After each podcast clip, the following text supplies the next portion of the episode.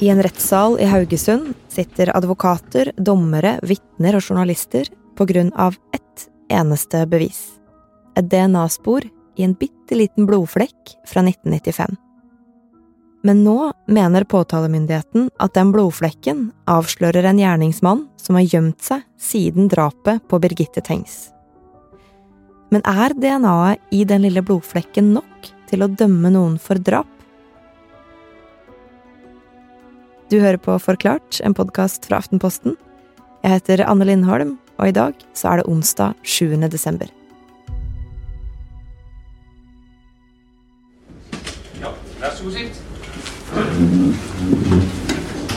Nå begynner det å bli ganske intenst. Samtidig har man sittet uke etter uke i dette rommet og, og hørt om denne saken, og man begynner å bli slitne. Så det er en spesiell stemning i retten nå. Eh, det er intenst, eh, man er slitne, men samtidig så er man i kjernen av hva denne saken handler om, og man er på et sånn ekstremt detaljnivå at man må følge godt med.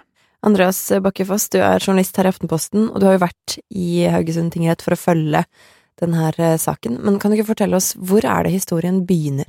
Denne saken starter eh, på Karmøy 5. mai i 1995. Det er eh, fredag, og Birgitte Tengs eh, hun er da 17 år gammel. Hun har vært på en fest på et bedehus på, på Karmøy, og drar etter hvert til Kopervik sentrum, som ligger på Karmøy. Der eh, er hun eh, ute i gatene med folk, eh, ute på byen. Det er mange som, som ser henne der, prater med henne, men noen minutter over tolv den natta så er det ingen flere spor etter Birgitte Tengs.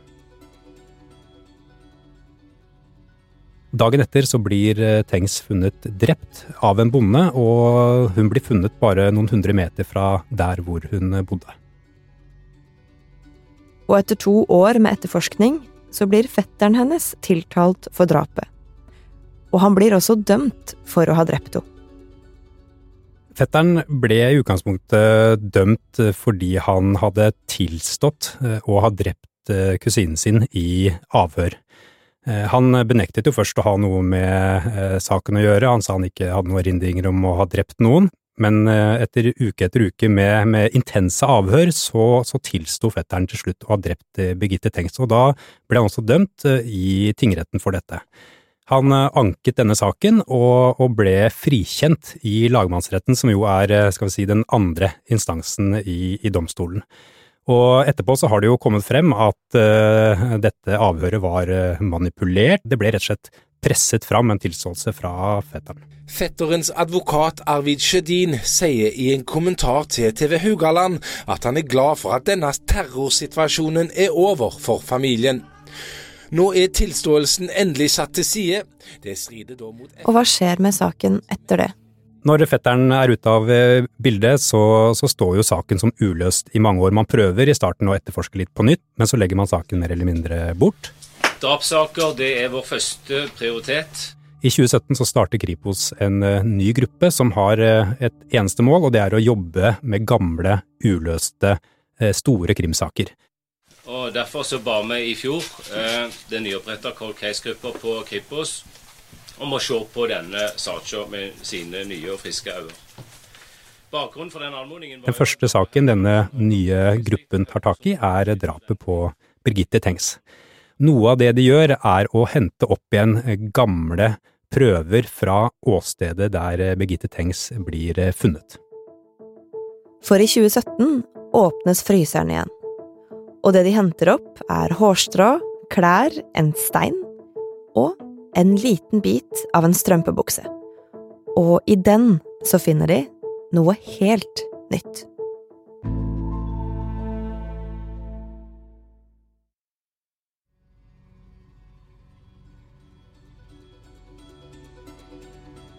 Da Birgitte Tengs var ute den fredagskvelden i mai 1995, så hadde hun på seg en fargerik stripete kjole, en hvit jakke, en hekla veske og en mørk strømpebukse.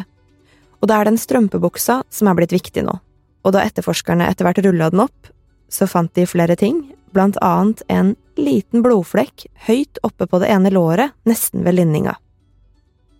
Det ble gjort mange funn på dette åstedet, bl.a. annet hårfunn inni hånda til Birgitte Tengs, og så var man jo veldig interessert i denne strømpebuksen som var nedrullet, naturligvis. Og fra denne strømpebuksen så sikret man mange bevis, og måten man gjorde det på var å rett og slett klippe ut en bit av eh, strømpebuksen, eh, putte den i et sånn regensrør med væske, sånn at man kunne få ut DNA. Og så la man eh, alt dette i, i fryseren for å sikre bevisene. Men analyserte de det ikke der og da? Man gjorde ikke så mye mer analyse rundt dette funnet akkurat der og da, man var mer opptatt av å sikre alle mulige bevis og, og legge det ned eh, og fryse det ned for, eh, for, ettertiden, sånn at man kan ta det opp igjen ved en senere anledning. For altså, Det er jo særlig den ene utklippa biten av den strømpebuksa med en blodflekk på, som ble lagt i denne veska og fryst ned, som var relevant igjen nå, for hva skjedde etter at de la den i fryseren? Akkurat dette utklippet fikk jo navnet A12F, og for alle som har lest litt om saken, og ikke minst fulgt den over tid nå, så er dette A12F blitt helt sentralt. Det er altså en bitte liten del av strømpebuksen som har fått dette navnet, og de klistret en lapp på den og, og pakket den ned i fryseren. Når de da tok dette opp igjen i 2017, så ble alt eh, sendt til Østerrike, eh, hvor man da har et eh, verdensledende miljø for å kunne klare å sikre sikre en DNA fra ulike funn i straffesaker. Hvorfor gjorde man ikke det med en gang, i 1996? Altså I dag må man huske på at det er gått eh, 25-26 år, eh, 27 år siden Birgitte Tengs ble drept. Eh, og teknologien har jo gått enormt langt på mange områder, også da innenfor DNA og DNA-funn. Så i dag kan man jo finne veldig mye mer fra den samme strømpebuksa enn det man eh, kunne den gang. Så i 2017 så åpnes saken igjen. Da er det noen som løfter den lille biten med strømpebukse ut av fryseren igjen, sammen med flere hårstrå og en haug med andre prøver fra etterforskninga på 90-tallet. Det man blir enige om, er at man må gjøre en ny analyse av alle de viktige og sentrale funnene fra 1995 og fra åstedet hvor Tengs ble funnet drept. Så man eh, sender eh, masse funn, eh, gjort den gangen, til nye undersøkelser, og det sender man til Østerrike fordi de har et av de beste miljøene og eh, beste ekspertisene for dette i, i, verden. Og det er også veldig, veldig god teknologi. En, husk på en teknologi som er på et helt annet nivå enn det var da Birgitte Tengs ble drept. Og hva er det de finner i Østerrike? Det blir eh, gjort veldig mange analyser av veldig mange av de sentrale funnene fra åstedet den gangen, men de blir veldig fort interessert i dette A12F-utklippet, som jo er en bitte, bitte liten blodflekk fra Tengs sin strømpebukse. I dette lille funnet så finner de, ikke overraskende, veldig mye av Birgitte Tengs eh, sitt eh, eget blod. Men de finner også eh, en bitte, bitte, bitte liten del av et DNA som stammer fra en annen person. Det de finner er et Y-kromosom, et mannlig kjønnskromosom. Og de klarer etter hvert å matche dette funnet opp mot en person som har vært i etterforskningen fra tidligere. Og hvem er det? Dette er en mann som eh, har bodd på Karmøy hele tiden, og som tidligere har vært inne som vitne i, i saken. Han har vitnet eh, to ganger, og også eh, avlagt eh, en DNA-prøve i etterforskningen. Så, så, man har jo hans DNA fra før. Eh, og dette funnet som de nå gjør i Østerrike, det matches opp mot hans eh, DNA. Ja, og det er jo den mannen som nå står tiltalt, og som Aftenposten har valgt å anonymisere. Men kan du si litt mer om hvem han er? Denne mannen er jo 52 år nå. Eh, han var i starten av 20-årene når eh, drapet skjedde. Han bodde på Karmøy eh, når Birgitte Tengs ble drept, men har hele tiden sagt at han ikke har noe som helst med saken å gjøre. Han var ikke i Kopervik den natten Birgitte Tengs eh, forsvant. Eh, han eh, var i Haugesund. Han, det er ingen av de over 2000 vitnene som er avhørt i saken, som noen gang har sett han i Kopervik. Det er ingen tekniske spor som viser hva han gjorde den dagen. Så, så denne personen har vært inne i saken tidligere, men kun som et vitne, og har aldri vært noen sentral del av saken før dette funnet blir gjort i 2019. Men etter det funnet blir han veldig sentral. Og så, den 1. september i fjor, så blir han altså sikta og pågrepet av politiet. Onsdag eh, denne uken pågrep eh, politiet en mann siktet for eh, drapet på Birgitte Tengs. Den nåværende siktelsen bygger på resultater fra DNA-undersøkelser, men støttes også av andre opplysninger i saken. Og Andreas, hva betyr det egentlig at det lille Y-kromosomet på den strømpebuksa kommer fra han? For eh, statsadvokatene så betyr det alt. Altså, de mener at eh, hans fingre har uh, hatt Birgitte Tengs sitt blod på seg, og så har han tatt på strømpebuksa, så dermed har også hans DNA blitt en del av denne blodflekken. Så de mener at dette funnet er det de kaller handlingsrelevant, altså at det viser rett og slett at han må ha vært på åstedet, og han drepte Birgitte Tengs den natta. Han er jo ikke enig i det. Eh, hva er det han, eller forsvarerne hans, eh, sier? Han sier han ikke har noe med dette drapet å gjøre, han nekter straffskyld. Han eh, sier han ikke var i Kopervik eller der hvor Birgitte Tengs ble drept denne kvelden. Ingen vitner har sett han der. Det er ingenting annet som knytter han til skal vi si, de områdene hvor Birgitte Tengs har, har vært den kvelden og, og, natta.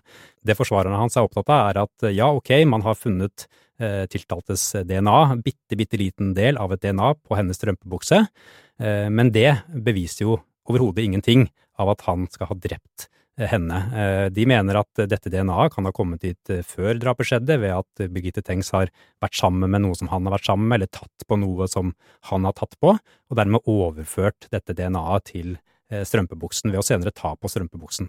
De er også veldig opptatt av at eh, man i etterkant av denne saken, når man jobbet med beslagene, altså med strømpebuksen og andre ting fra åstedet, så var man ikke så opptatt av, eh, som man er nå, med dette med oversmitte eller muligheten for å forurense prøver. Så forsvarerne mener at man kan ikke utelukke at denne mannens DNA kan ha kommet på strømpebuksen i etterkant av drapet, altså for eksempel ved at noen som jobber med eh, saken, har vært litt slumsete og kanskje tatt på noe som han har tatt på, eller kommet eh, borti noe som han har tatt på, og så senere jobbet med denne strømpebuksen. Så de prøver å rett og slett så eh, tvil om eh, viktigheten av dette funnet.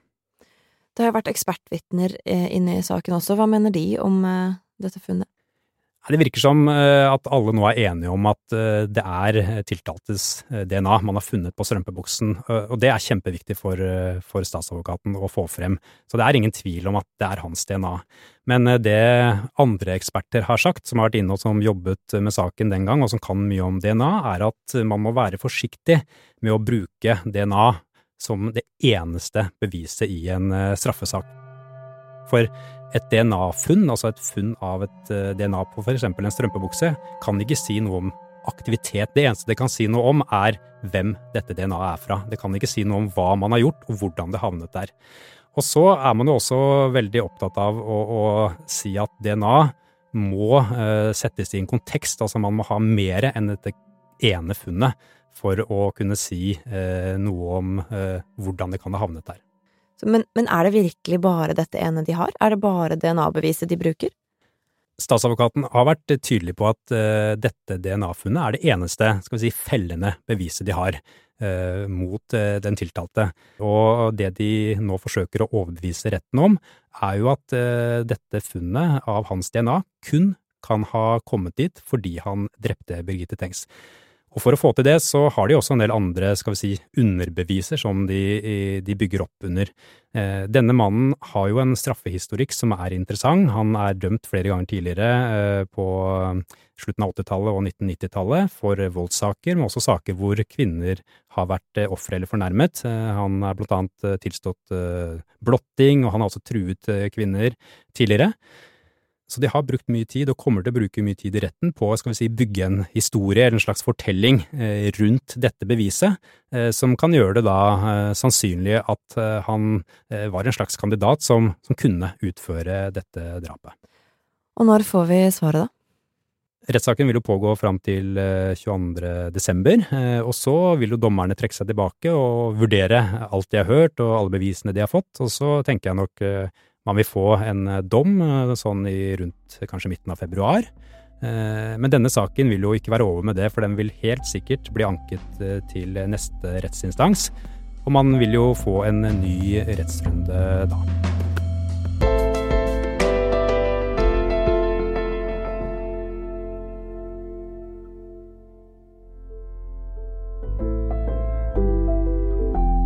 Du har hørt en episode av Forklart, en podkast fra Aftenposten. I dag så var det Andreas Bakke Foss som fortalte om den nye rettssaken om drapet på Birgitte Tengs. Det er produsent Synne Søhol og jeg, Anne Lindholm, som har laga denne episoden. Og Ola Lunden, som er på utplassering hos oss, har også bidratt. Lydklippet du hørte, var fra TV Haugaland, NRK, Stavanger Aftenblad og VGTV. Resten av Forklart er Marit Eriksdatter Gjelland, Jenny Førland, Fride Næss Nonstad, David Vekoni og Anders Weberg.